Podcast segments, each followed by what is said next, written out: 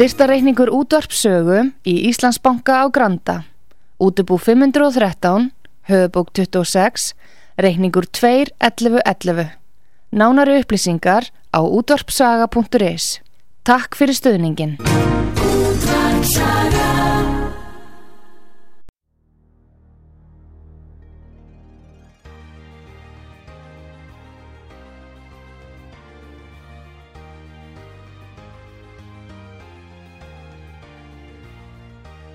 Heimsmálinn í umsjón Pétur Gunnlaugssonar. Fréttir og fréttatengt efni af Erlendum Vettvangi.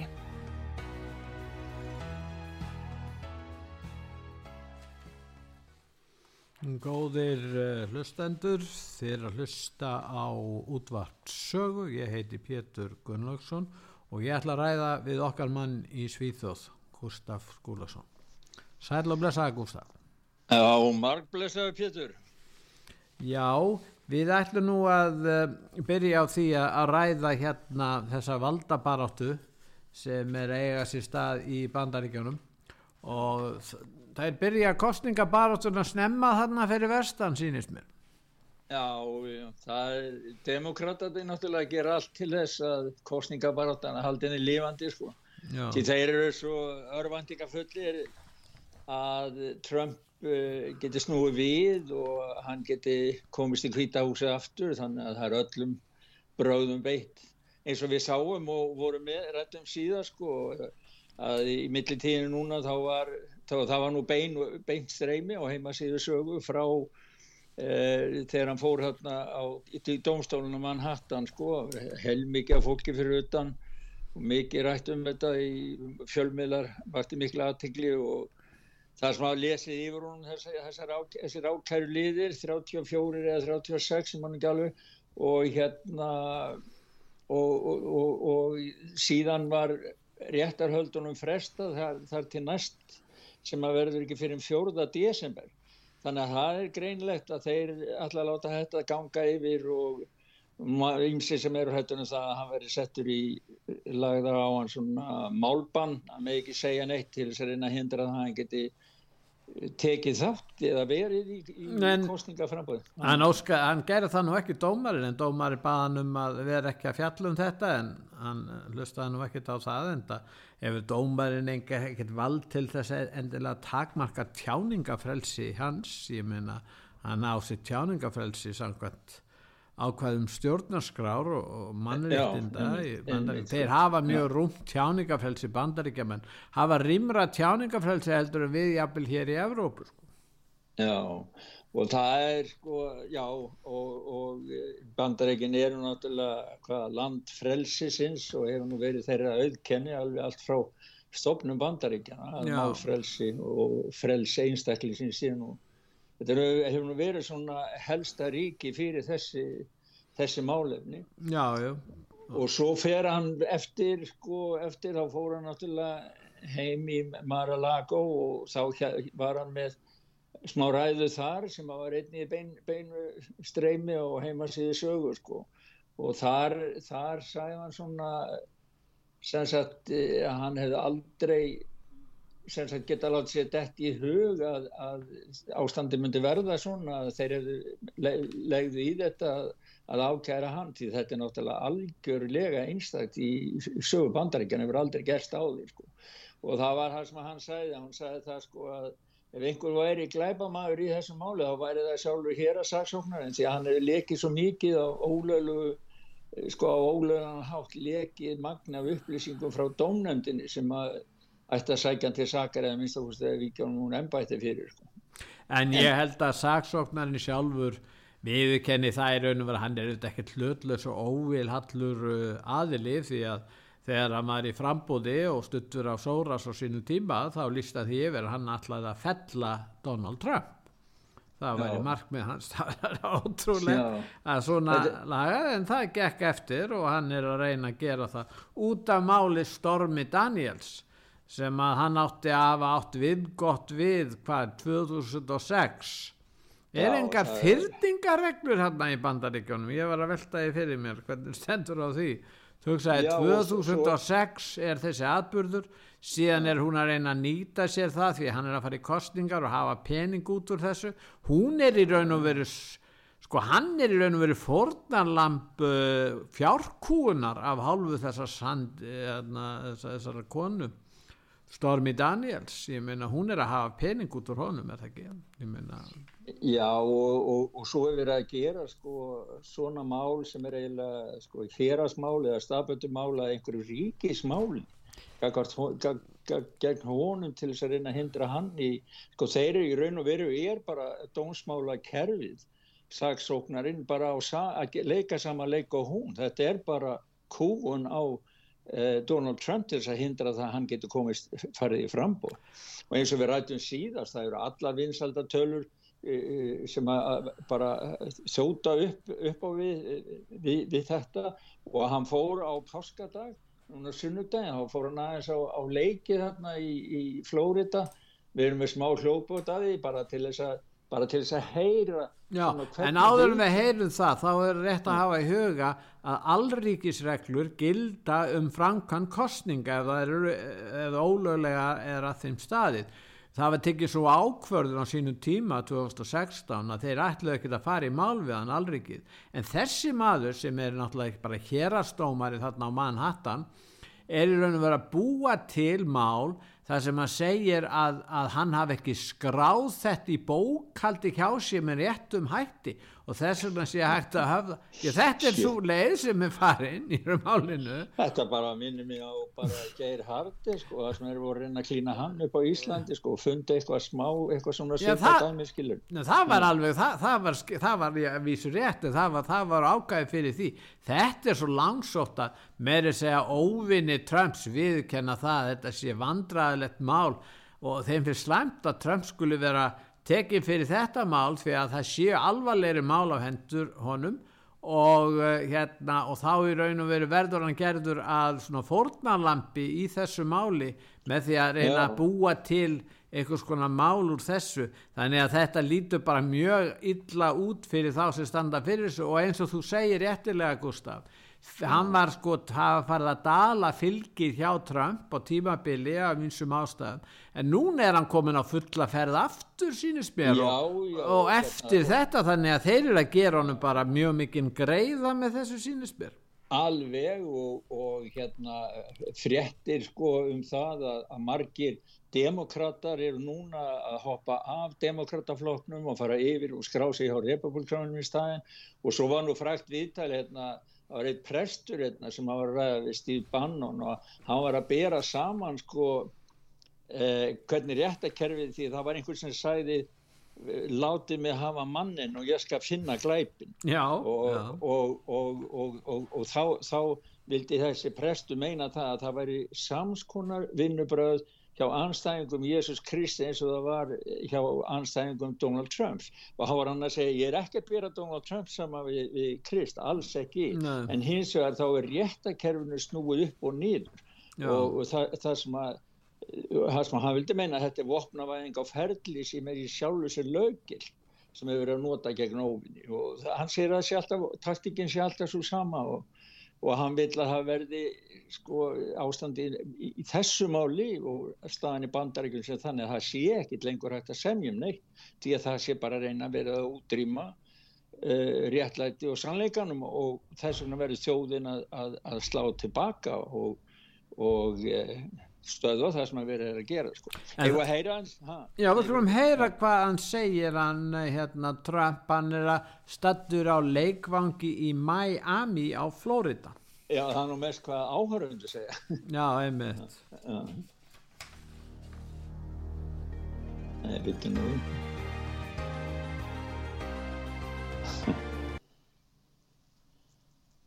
Já það var nú ekki þetta sem Nei, það er ljóðbútur nummer eitt. Já. Er sko. Nei, þetta er alltaf leið En hérna, það er eitt í sambandi við þetta áðan. Hann var að, þessi jólabóðskapur Trump, hann var að tala um þetta í sambandi við landamærin. Og það er eitt sem ég átt að maður þegar verið að fjalla um kostingamál hvernig frankan kosting er í bandaríkunum nú þekkjum við það Gustaf hér á Íslandi og ég gerir á fyrir í Svíð og líka að þegar að menn fara á kjörstað þá verða þeir að sína persónuskilriki en uh, demokratatir á móti því. Þeir segja að það sé, já, það sé verið að kúa fólk með því að gera kröfur um kostningaskilriki ég á mjög erfitt með að skilja þetta atrið, hvernig, hvernig er hægt að réttlæta þetta, hvernig finnst þér það? Nei, það er ekki hægt að réttlæta þetta sko. og það er, þetta er náttúrulega þeim til vans og skammar því að það eru flesti bandaríkja menn sem, sem að skilja að það er skinsamlegt að Já, menn eru með ögurskýrtinni, passa Já. Með, en þeir, það var einhver ég heyrði einhvern segja að það væri svo dýrst fyrir fátækt fólk að verða sér út um skilríki. ég hef aldrei, Já. ég meina þeir getur ekki eins og keift sér kók þá, ég veit það ekki Nei, og ég meina, ég meina koma hann, það eru allir með skilríki ég meina, þegar eh. demokrata sjálfur halda þing og annað, þá krefast þeir skilríki svo öllum sem kom inn. Þetta er, þetta er náttúrulega bara sko, þetta er bara, sko, gegnsær langa leiðir fyrir sláttu náttúrulega. Og þetta er rétt, það því að því að Trump sæði það þarna e, í páskakvæði sem hann sendi frá sér núna að hann sæði við munum snúa aftur. Og hann sæði sko, hann sæði með það að, að þeir sem þjá, hann sæði ég ósku öllum gleðilega páska einnig þeim sem dreymir endalist um að eidilegja landa okkar vegna þess að þeir eru ófærir um að dreyma um neitt annað og þeir sem þjástla slíkum hæfleikaskorti þeir átti sig á því að, það, að vera með landamæri og mikinn vegg er góðu hlutur að hafa kostingaskilriki, pappisatkvæðarsæðla og eitt kjördag með skjóttbynda endi á kostingasvindl og svo beinda norðsynum til allra. traditional... veikjaði önguna verða republikana sem eru bara republikanar í orði og rótækka vinstri, demokrata, sósilist marxista og kommunista sem er að, er að ganga frá bandaríkinu og hann sagði við snúum aftur sann. Já, já en uh, svo við haldum nú áfram það sem er að gerast þarna nú þarna er mm. til dæmis fréttum það hjá okkur Alexander Soros hann er formaður Open Society sem er þetta samtök sem að fæður hans uh, þetta, sett á laginnar að mm. hann er orðin svona áhrif eða svona á, hefur mjög mikil tengsl við kvítahúsi og það er aðgang að því, það er svolítið merkilegt Já, hann, já hver, hver hefur kosið hann? Hann er ekki á neinum stjórnmálalistum, hann er ekki kjörinn embættismæður en hann lappar hann út að inn bara eins og hann sé dýravörðu hann í húsinu, bara opnar og lokkar virðist vera en, en hann er með á sko mörgum fundum þáverandi starfsmannastjóra kvítahúsins, Ron Klans og ráðgjafanum Nína Srívastafa og e, sem hefur meðal annars unni að fórsetta eh, baráttinu þegar bætan í frambóði og síðan er hann búin á svona eh, sko, tilstellingar eins og þegar að fórseti bandarækjana er með Emmanuel Macron fraklandsfórseta sem gest, þá byrtist hann það og það er bara, hann er bara mjög valda mikill maður í kvítahúsinu. Já, og uh, það er nú líka komið ímislegt fram hjá demokratum að að maður eins og Robert F. Kennedy sem er uh, svona yngri Robert Kennedy yngri, svonur hérna en stekta föður hans sem var mistur í Kaliforníu 1968 að hann er verið mjög á móti þessum efnum sem hafa verið nótuð til gagvart uh, uh, COVID-veirun á sínu tíma og hann hefur skrifað um það bækur og, og hann ætlar í frambóð gegn Joe Biden hann har nú enga möguleika er það nú ekki nokkuð ljós þó að Bob Joe Biden sé nú ekki vinsæl að þá verður erfitt fyrir Robert að, að komast eitthvað áfram í. Hvað heldur þú? Já, nei, ég, ég á erfitt með að, að meta það skilur ég sko, því, að, því að það er það, það eru svo margir sem spyrja er engin, eru einhver, hverjir eru aðrir innan demokrataflokksins því að eins og allir séu hrætti við það ef að Joe Biden býður sér fram að hann, hann fari frambóð þrátt fyrir allar þessar óvinnsaldi skilur við en, en, en eh, ég veit ekki, mér höfst það svolítið erfitt að meta það, ég held að að demokrataflokkurinn sé bara komin í mjög slæman gýr og sé bara einangra sig frá öllu líraðislegu starfi í bandaríkjum. Það væri þá helst að væri einstaklingar eins og Robert Kennedy.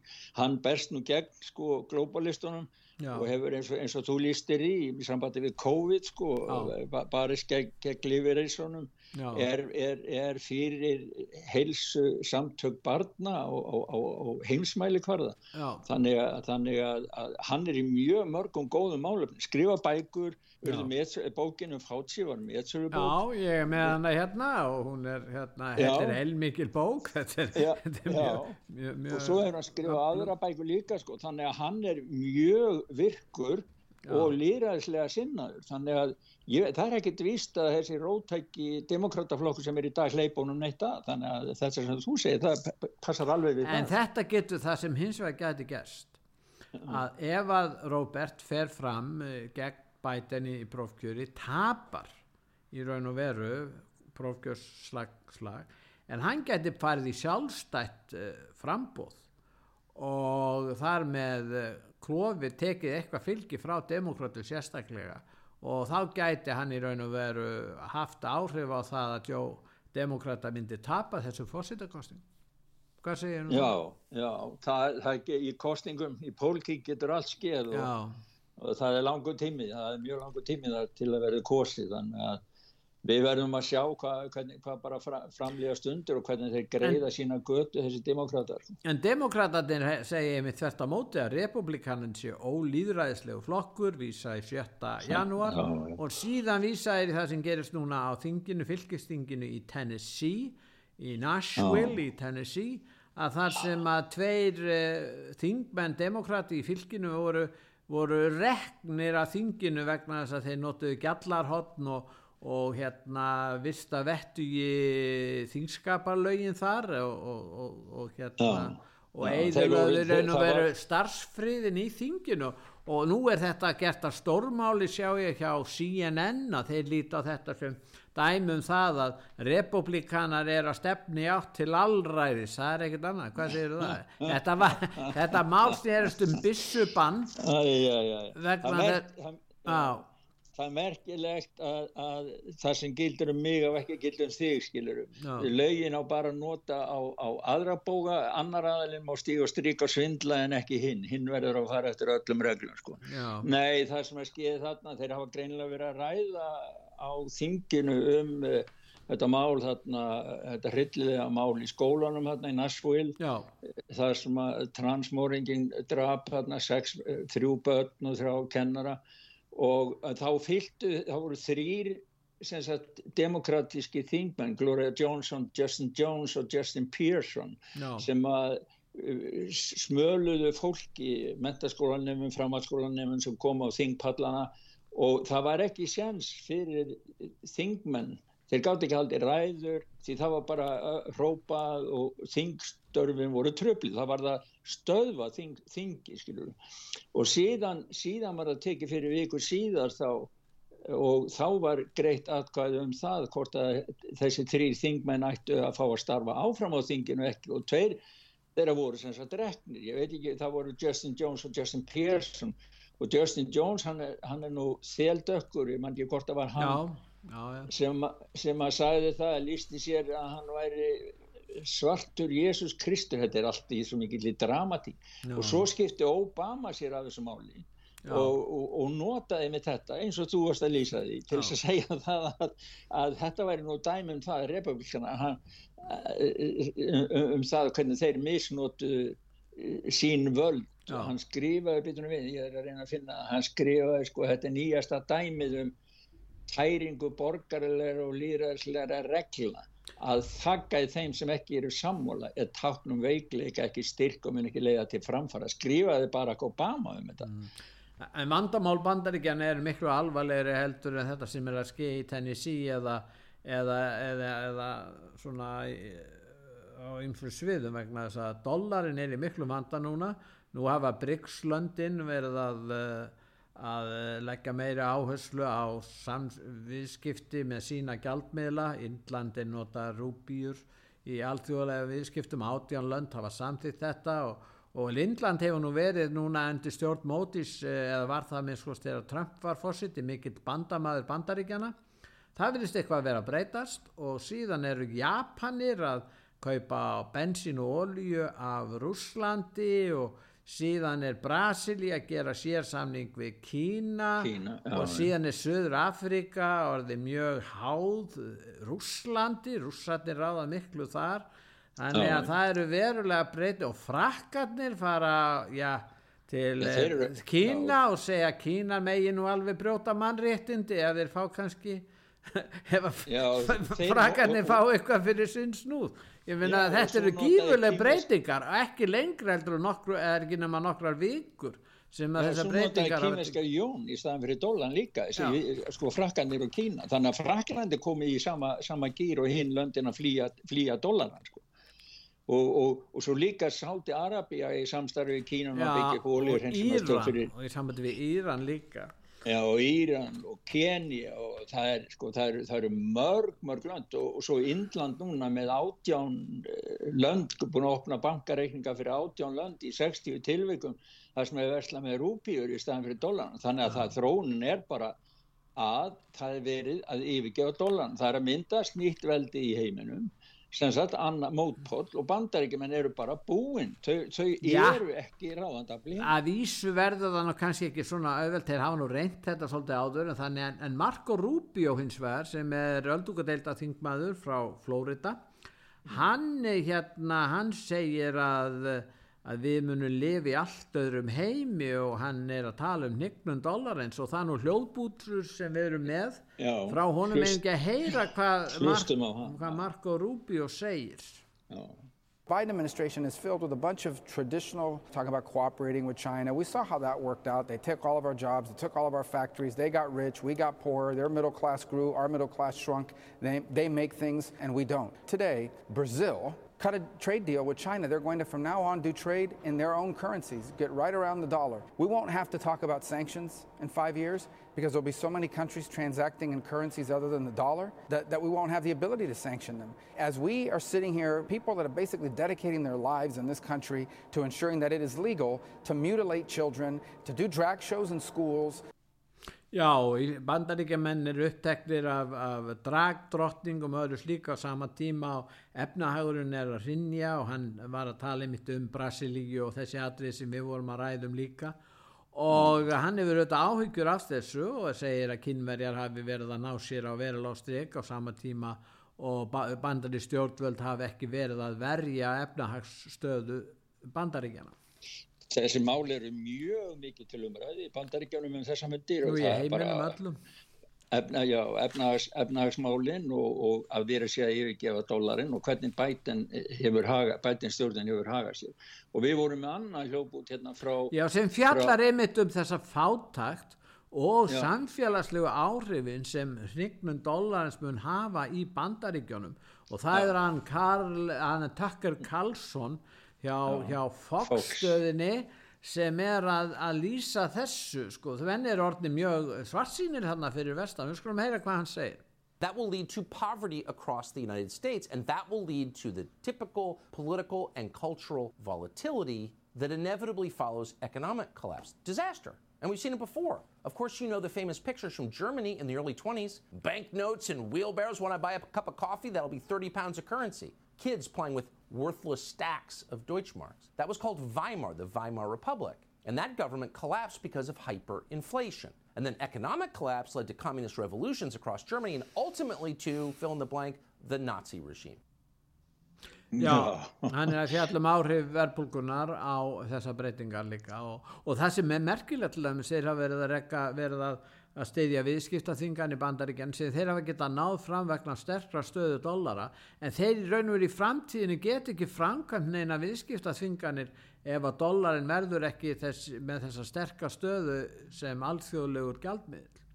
Já og svo sko þrátt fyrir alla þessar eh, viðskiptatvinganir og, og, og árásir á efnahagur Rúslands þá hefur rúblan ekkert lækka í gengi en bandaríkjadólarin er byrjaður að færa sér neðar og eh, málinn halda svona áfram að þá eins og hann lýsir ég vonandi verða Vísu hefur hann eitthvað stýst að náttúrulega búið að hækka vext í bandaríkjunum. Sko það sem hefur kannski haft svo mikil áhrif er það að þessi sterkastaða bandaríkjana þýtti það að þeir gáttu verið að prenta segla án þess að myndi valda Já. verðbólk í bandaríkjónum sem þýtti það að vextir voru lágir í bandaríkjónum gjaldmiðlinn var svona, svona frekar uh, veikur.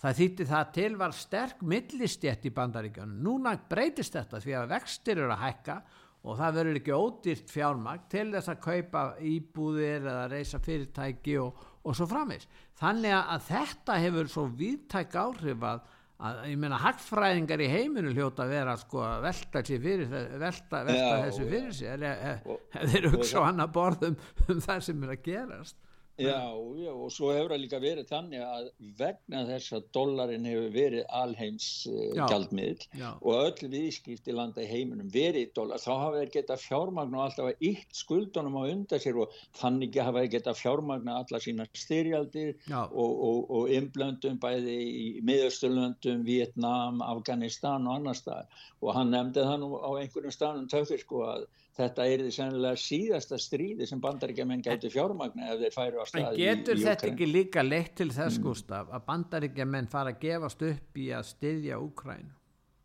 Já, það er, hann, það er sko algjörlega vitað í bandaríkanum.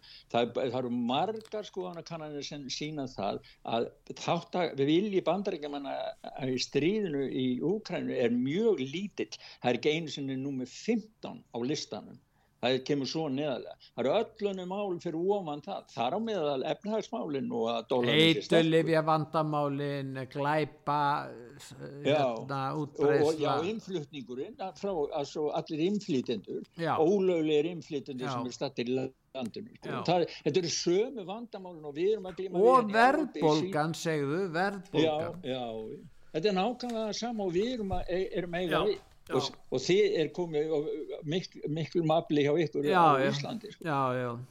En, mm. en, en það er einn maður sem að menn hafa glemt nú en var merkilegur á sínum tíma hann var fenginn til þess að skoða hvort það veri gjörðingavopni í, í Írak á sínum tíma en áður en hann hafði lokað skoðu sinni þá hófuð sprengjurnar að varpa fóru þeir að varpa sprengjum yfir, yfir, yfir Írak á sínum tíma það er hann Hans Blix og hann segir að það ætti að leiða vestræna leiðtúa fyrir stríðsklæpa domstól þar á meðal George Bush yngri og Tony Blair.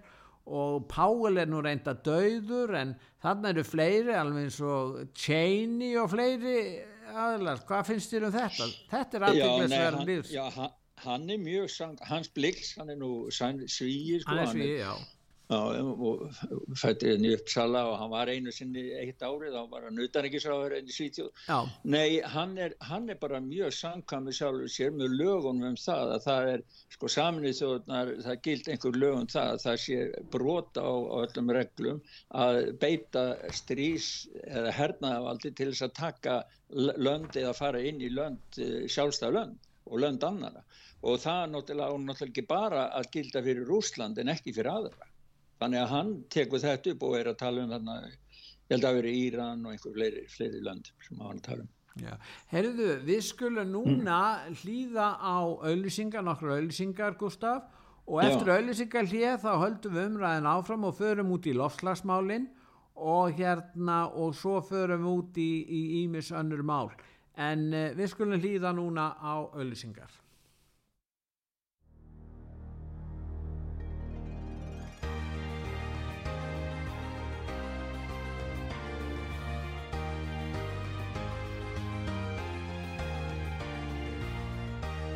Heimsmálinn í umsjón Pétur Gunnlaugssonar.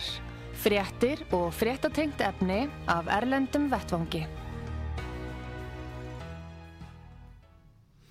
Já, góðir hlustendur, þið er að hlusta á útvarpsögu. Ég heiti Pétur Gunnlaugsson og ég er að ræða við hann Gustaf Skúlason í Svíþjóð.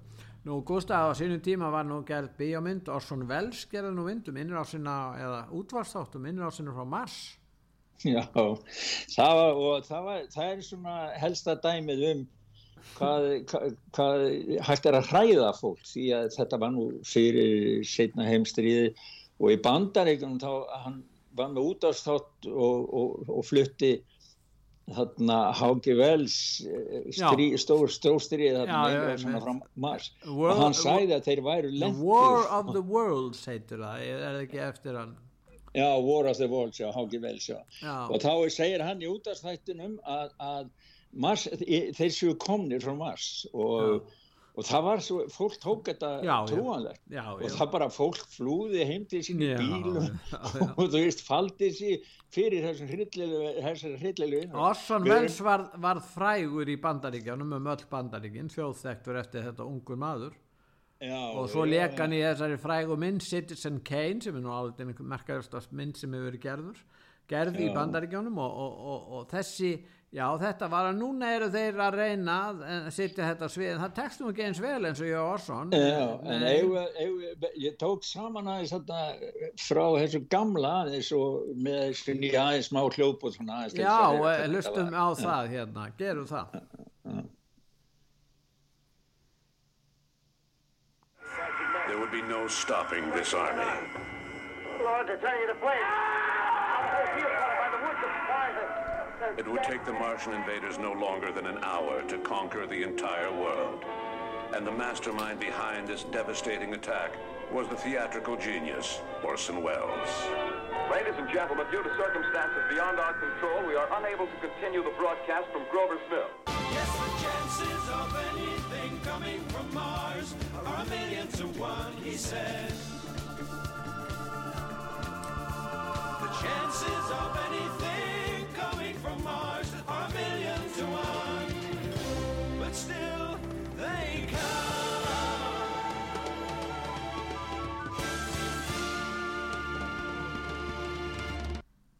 Já, innrásið frá Mars, já.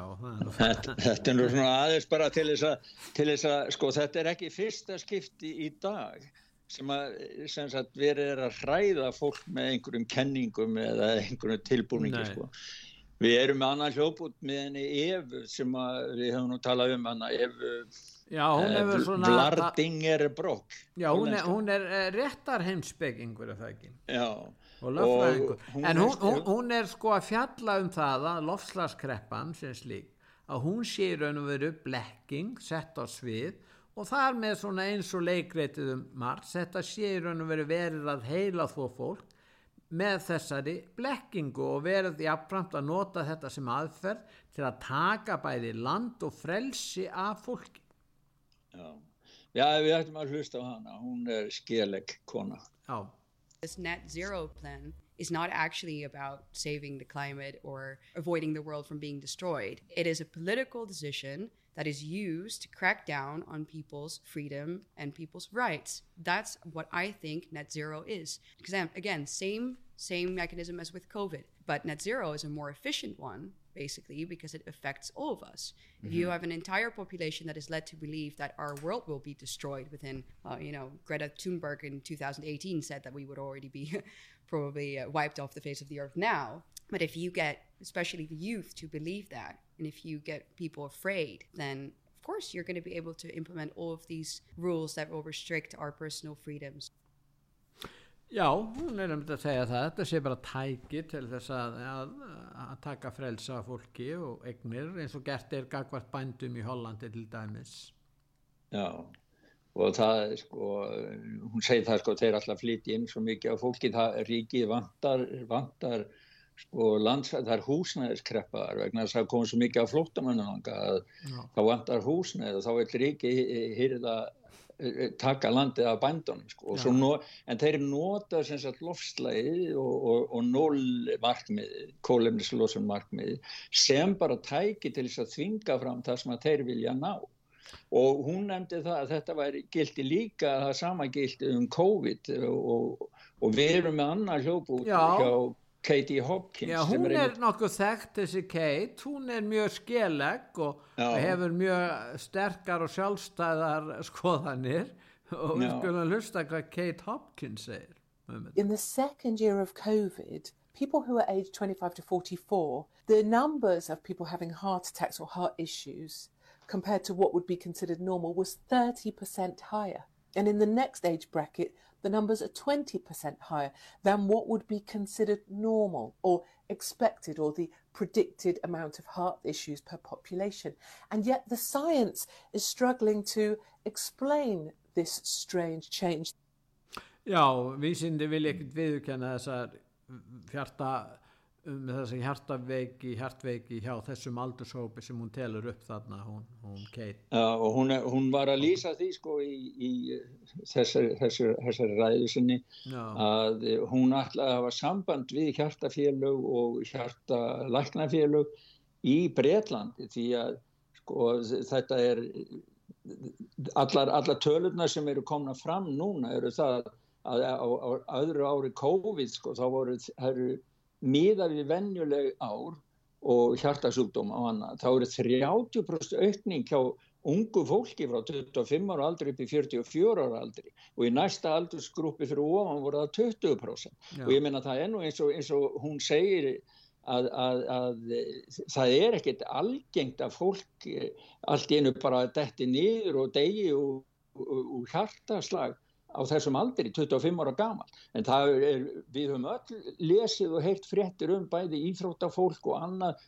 ungt fólk alveg nýri 12 ára krakka sem hafa bara dáið vegna hjartáfars og e, vísindist það klóri sér bara í höfðun og segja, já, nei, við bara vitum ekkert hvað þetta er. Hvað getur þetta verið? Þannig að það er sko, það þarf að, að, að hrista upp í vísindunum og þeir fari að, að, að sjá samingi á milli hlutan og viðurkenna og það er nú byrjað að gera það sem betur verið á einhverju stöðum sko. Já, en sko við erum líka með þarna eh, pistilu í sambandi við saminu þjóðunar sem voru uppæfi áttu að vera fríðarsamtök eh, við halda fríð og halda en það er nú gengið illa í raun og veru er þetta orðið fyrst og fremst einhvers konar vettvangur fyrir globalistana og alþjóðavæðingar sinna að nýta sér saminuð þjóðurnar og þeir hafa gert það sannarlega.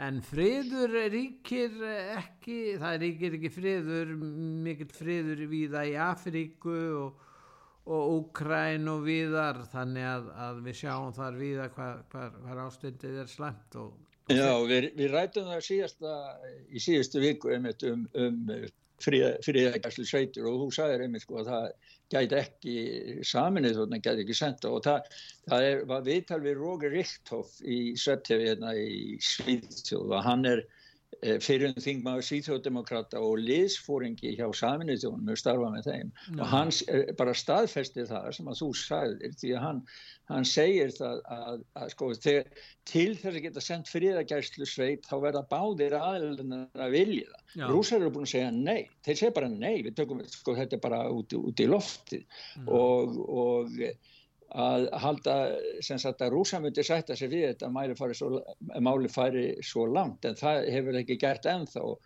Og þannig að hann segir það bara og hann segir það að þetta sé saminu þúna sé ekki lengur fríðar samtök þau séu eins og hann orðar það leiktjöld fyrir glóbalistana, ekkit annað. Þeim er stjórnað þau valdunum allt með heldur um fríð En Gustaf, það er svo mikla breytingar ja. núna í heiminum bara á þessu síðustu með síðasta misseri, síðustu vikum og mánuðum. Og við erum eins og eitt segir Viktor David sem er nú frá Kaliforníu og þar hafa sannlega verið miklar, miklar breytingar átt sér stað, hann hefur verið í háskólasamfélaginu þar, hann segir að við erum í miðri byltingu og vitum ekki eins og naði Já, hann, hann er að, er að kommentera þarna að Trump var ákjörður meðal annars. Já. og, og eh, hann, hann heldur í fram að, að þetta sé allt með ráðum gert, þetta sé skipulagt, það, það verður lagt eh, mál, hvað segum að mál banna á hann. Og þeir viljið það því að þetta verði þryggja, það verði þrýr saksóknar sem takja þetta mál fyrir. Og hann segir bara við erum í miðri byltingu, við vitum ekki einu sem að við séum í henni En bara málið er að þetta er ekki bara Trump, þetta er út um allan heim. Og það sem er svo mikið verið að ræða núna sem að, sem sagt, sko það eru, það eru náttúrulega alls konar hótani til hægur og vinstir, alltaf verið að koma, Fátsi var að koma núna með hótani, já það getur orðin í heimsvaraldi strax á næsta ári. Sko það eru, sko þeir eru farin að nota hótununa, það er ekki já. bara innrásin frá Mars, það er innrásin výrlösa og það er innrásin alls konar við hluta sko. en, en, en e, það er líka það sem er verið að ræða svo mikið núna það er þetta í sambandi við kyn og trans og öll þessi ótöl kyn og ekki síst kynlýs fræslu og annan mm. og e, það var sko í e, hérna, stór fyrirtækin Já. Sko þetta með að við sem er meiri byltingu á þess að vita það til dæmis hvernig stendur á því að stórfyrirtæki er að fara að hampa í auglýsingum fólki sem leikur að það sé eitthvað annað kyn eða segist að það sé eitthvað annað kyn? Heldur en heldur en það er ákveður það allt í orðið eitthvað svona mikilvægt til þess að fara að auglýsa vörumerk eins og næk En, en, en vel, ef við göngum út frá því að markmið fyrirtækjan er að skila miklum hagnaði fyrir sína hluthafa mm. nú erum við að tala, jú þeir eru að tala um þetta transfólk. Af hverju er allir þessi auðlýsingastar sem þetta eru örfáir einstaklingar? Menna, ak akkur eftir hallur þorri þeirra sem er að kaupa þessa vörur eru alls ekki, akkur er þeirra að nota hvað liggur þarna baki? Af hverju Já. er einhver öll hérna í samfélagi eða í í alþjóða samfélaginu sem eru að, að í raun og veru að setja á laginnan jafnvel í einhvers konar jafnréttisvísitölur corporate equality index þar sem að, að hérna að, að uh, það á að ekki hafa viðskipti við fyrirtæki sem uppfyll ekki þessa jafnréttis vísutölu og þar spila trans uh, mjög mikið inn í þetta. Þetta er allt mjög sérkennlegt og svo þessi leikarar bæði varandi bjórauðlýsingar ég veit ekki til þess að það sé svo mikið að transfólki að, að bjór hérna neslan í heiminum ráði þar úr þetta er alveg stórförðulegt sko. Já, nei, það, sko þetta er mjög mjög aðteklisvert og gott að setja fram einmitt þessa spurningu sem við setjum fram hvað er hér að bakvið? Hvernig á vennjulegt fólk að geta séð í gegnum hismið og, og greint kjarnan út úr því sem er að gerast í kringum okkur? Og málið er, við höfum rætt um það áður að World Economic Forum þeir tóku upp á því að, að semja um það sem þeir kalla uh, environment social governing. Það er að segja að maður á að stjórna með tilliti til umhverfis, félags, eh, sagt, félagsmála og, og umhverfis og þetta á að vera svona góð og, og, og rétt viðskipti að gera þetta. Jú, BlackRock og Vanguard og það er eitthvað annað fyrirtæki sem eru þau stæstu, þeir eiga í, í, eiga Þetta eru stæstu vonasjóðir í heimi. Þeir eiga, Já. sko, metin hérna BlackRock sem heit á 10 triljónir og, og Vanguard á 7-8 triljónir, þetta er samiðilega er þau með jafnmikla uh, hérna, umfang eins og Kína. Ég menna þetta er svo, þetta er svo ótrúlega Já, þetta, þetta er alveg ótrúlega sko. Og þeir eiga hlutafa og skipa í stjórni stór fyrirtækja eins og Nike, Apple Já, og, og þeir, eiga, þeir eiga í þessu öllu saman. Já, þeir eiga í þessu öllu saman. Og þeir fylgja þessu þessu S, ESG eh, frá World Economic Forum. Og hva, hvernig kemur það, tengist það þessu? Jú, það er nefnilega þannig að HBQTG eða hvað þetta heitir það saman L, hvað heitir þetta eftir hérna þessi, þessi hérna hinsegin samtök. Já, það, það, það er til eitthvað eins og þú varst að, þú varst að tala um jafnbrettisvísitölu Já, Corporate Equality Index það er því þetta sem jafnbrettisvísitölu og, og hún er notuð og það eru svona þú varst að minnast á, á samtöks samkynneðra, þeir eru með ákveðin samtök Human Rights Complaint þar sem þeir kvarta undan einsu og virðast Já. hafa stjórn eh, fyrirtækja með því að eins og að minnast á bæði BlackRock og Vanguard er ekki bara venjulegi vógnasjóðu, þeir eiga í sko mörg hundru þúsund fyrirtækjum út um allan heim og í Kína og allstaðar þannig að Já. þeir geta haft ákrif á það hvernig stjórn minni fyrirtækja eins og Nike sem við varst að tala um og, og, og já, ykkur bjórfyrirtæki og annars lík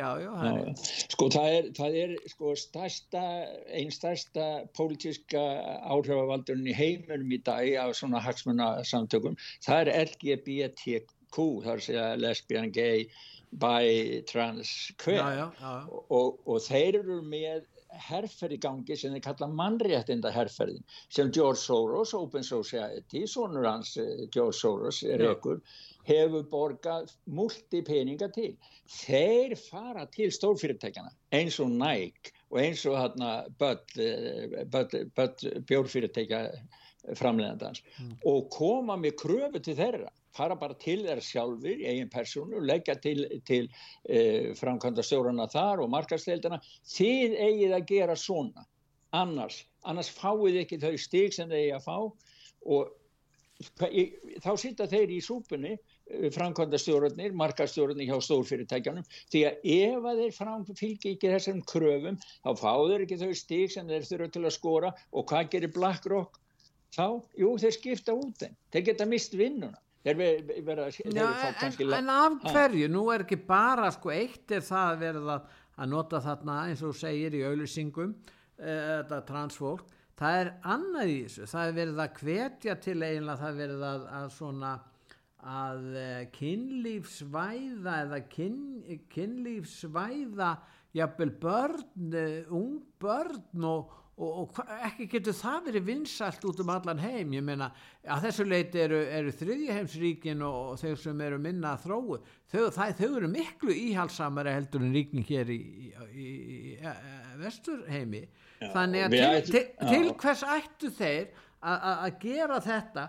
Og síðan eru komið fram mót uh, vægi gegn þessu til dæmis í Flórida þar hefur ríkistjórin uh, látið samþykja lög til að venda börn gegn uh, þessari áreitni kemferðislegu og, og þannig að leggja að það séu foreldrarnir sem að ákveða þessa mentun barna sinna en ekki, ekki ríkið eða einhver stórfyrirtæk Já, og sama í, í Evrópu, 15, 15 lönd, þar voru ríkis deilur hérna á milli Ungverðarlands og 15 ríkistjórna í, í Evrópu, þar sem þau eru að ganga gegn barnaverða lögum uh, Ungverðarlands sem, sem að hefur bara ákveði sem sagt, uh, hvað ég var að segja, það er bara sett aldurstakmark á keimfræðislu, svona keimfræðislu skólu. En áður en við förum í það, þá myndi ég vilja við bara hlustum aðeins á þennan eh, mann hérna sem heiti Dylan Mulvaney sem er lífræðilega kartkins en þykist það er kvenkins, þetta er leikari, þetta er ungu leikari sem var að reyna að verða frægur og, og, og, og slá í gegn. Hittur hann öðru nafni Alissa Weinesscheidt?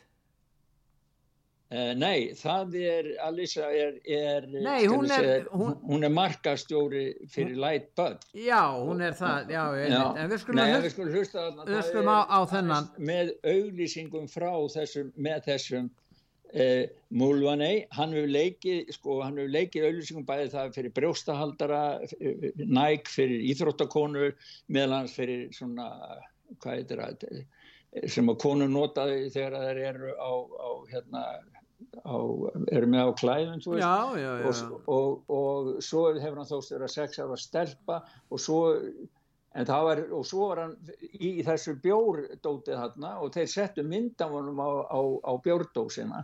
Og þá kom hann Kid Rock hann þekktur maður að leika, maður að leika sex ára gamla stelput sem auðlis í bjór er það ekki?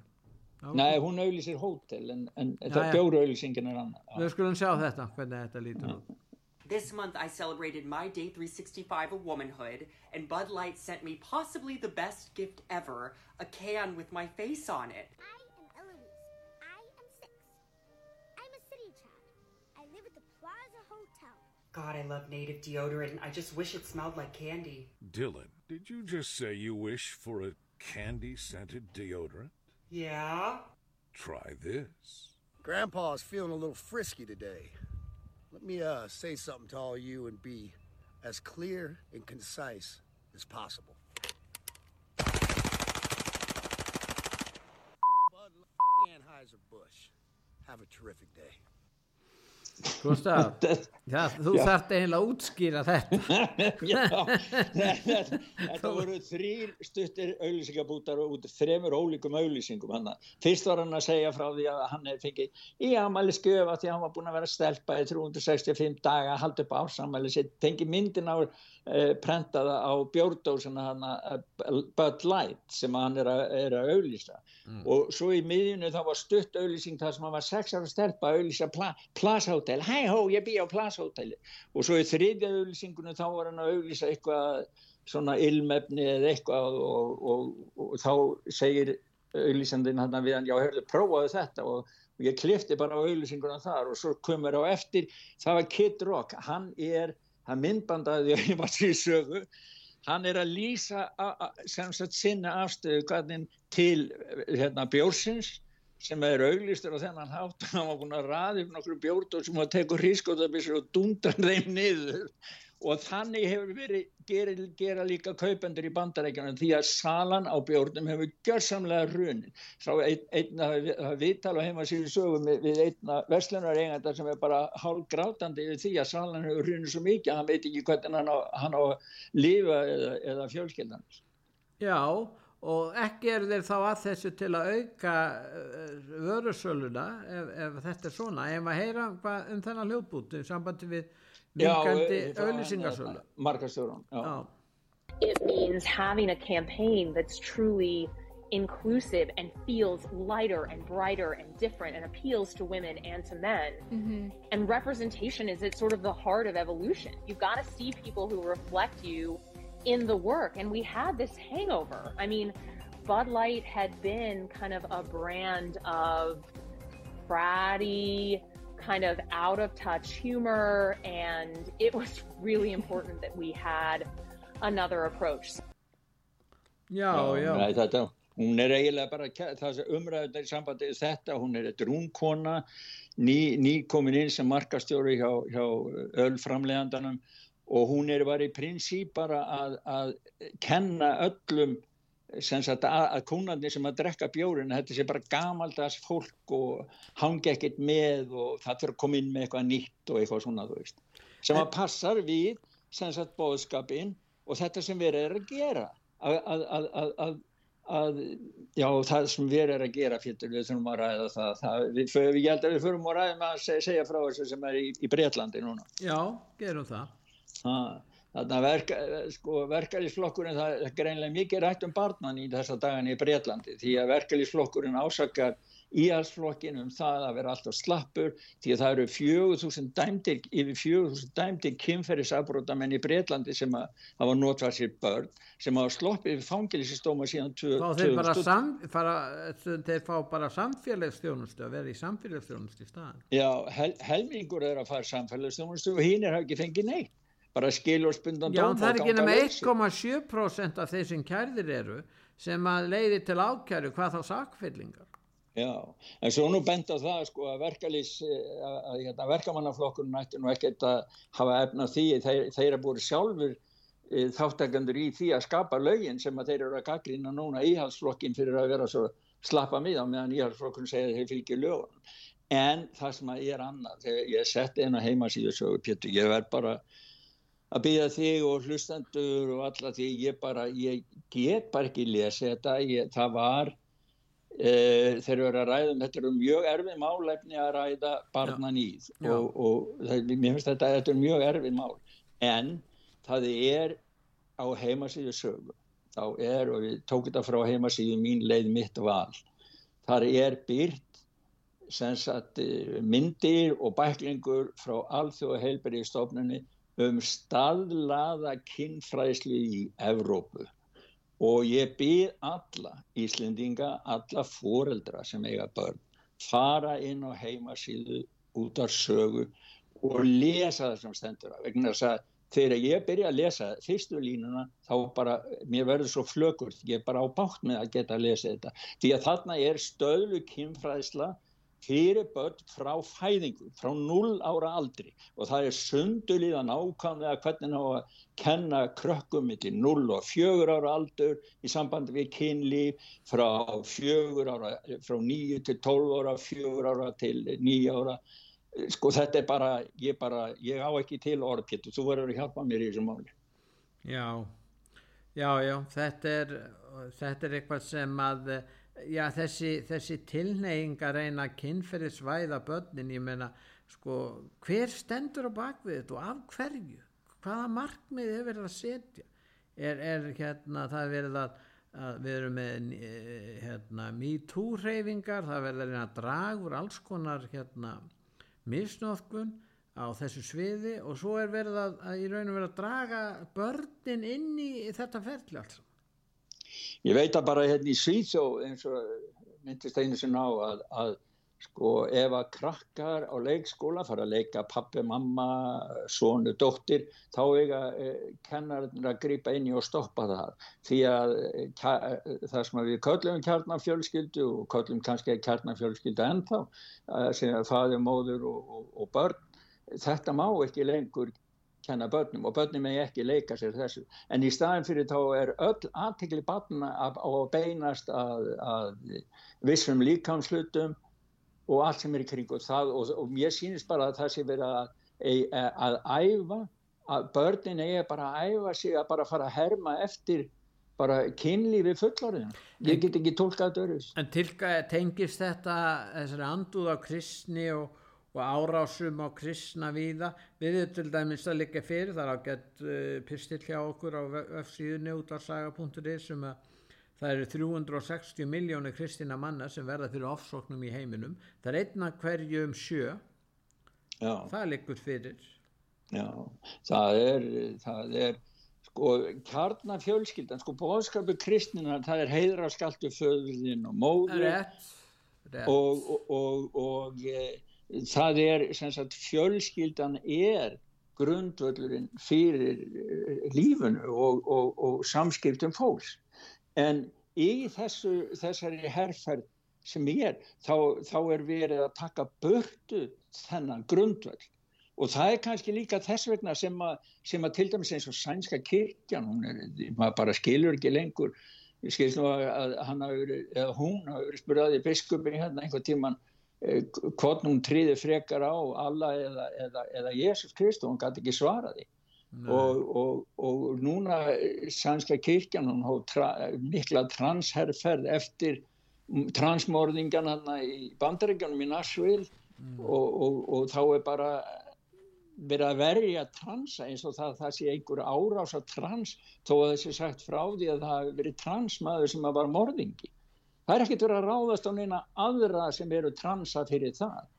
Ég menna það bara verið að banna að ræða hlutina og segja það á réttuna það mætti kannski segja að stórfyrirtækin hafi hagað því ef að nignum fjölskyldunum heldur áfram þá þurfa menna að kaupa þessa neyslu sem er unnin innan fjölskyldunar með í meira mæli til fyrirtækja skiluru þannig ef að það væringa fjölskyldur að væri bara einstaklingar skiluru að þá, þá verða þeir allir að leita til, til hérna í meira mæli til, til Já, fyrirtækja fjölskyldum Já. Já. þannig að það, ef þetta er hugsað þannig ég veit ekki hvort að þeir hugsað þetta þannig ég ætla ekki bara en uh, við Nei. erum nú langt við þurfum að fara að ljúka þessu og, og það er massi við ekkert að rætt um til dæmis þeir eru búin að gefast upp á að að komast að því hverjir sprengtu upp uh, Nord Stream Nord Stream, já, það var að koma skýsla hér sko, frá sannska saksóknarembættinu og það er bara, það er talað þetta sé bara verið að draga, leggja undir það að máli verði bara, því verði bara glengt og sagt að það er ekki hægt að finna hver fram þetta,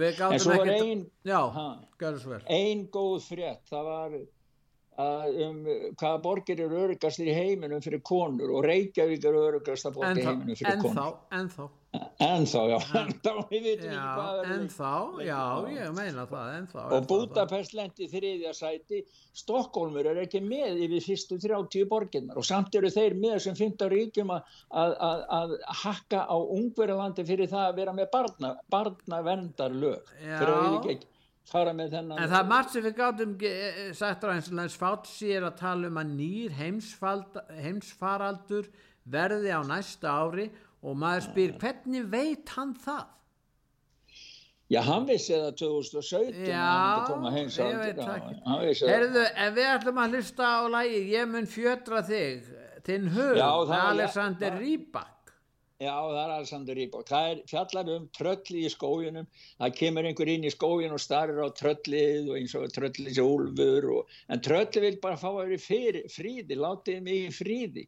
Ég, hverslasleikin minn er ekki þinn og mér finnst þetta bara að passa fyrir sko, fólk sem vil fá bara lifa sínu lífi án þess að sé vera að hrópla svona mikið við. Það kemur úr öllum áttum. Það er verið að ræna orkunni það er verið að taka frá okkur yfiráðinni við börnunum okkar.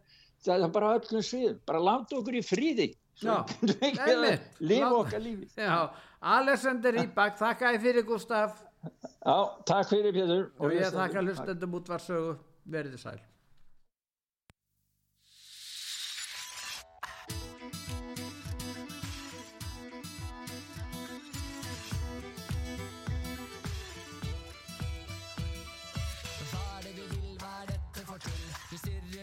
som om jeg er en ulv. Du vil lage bråk, men det vil ikke jeg. Og til slutt ble jeg nødt til å trollbinde deg. Prøver å forstå, men det blir jo bare stress. La meg være fred, for det vil jeg aller mest. Ingenting vekslet, ingenting gitt. Du lever ditt liv, jeg lever mitt. Så ikke stå i min vei, jeg vil trollbinde deg. Bare gå, er det grei, før jeg trådbinder deg. Du kan gjøre som du vil, men for din egen skyld. Ikke stå i min vei, jeg vil trådbinde deg. Ha!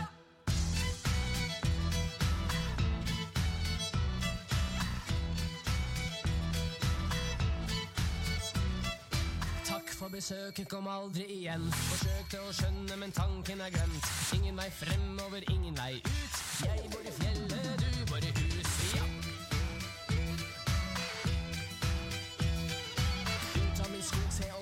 av sted. Min tradisjon har du ikke noe med. Svinestengt flydige til sin troll. Så lås alle dører du kan før tolv. Ikke stå i min vei, jeg vil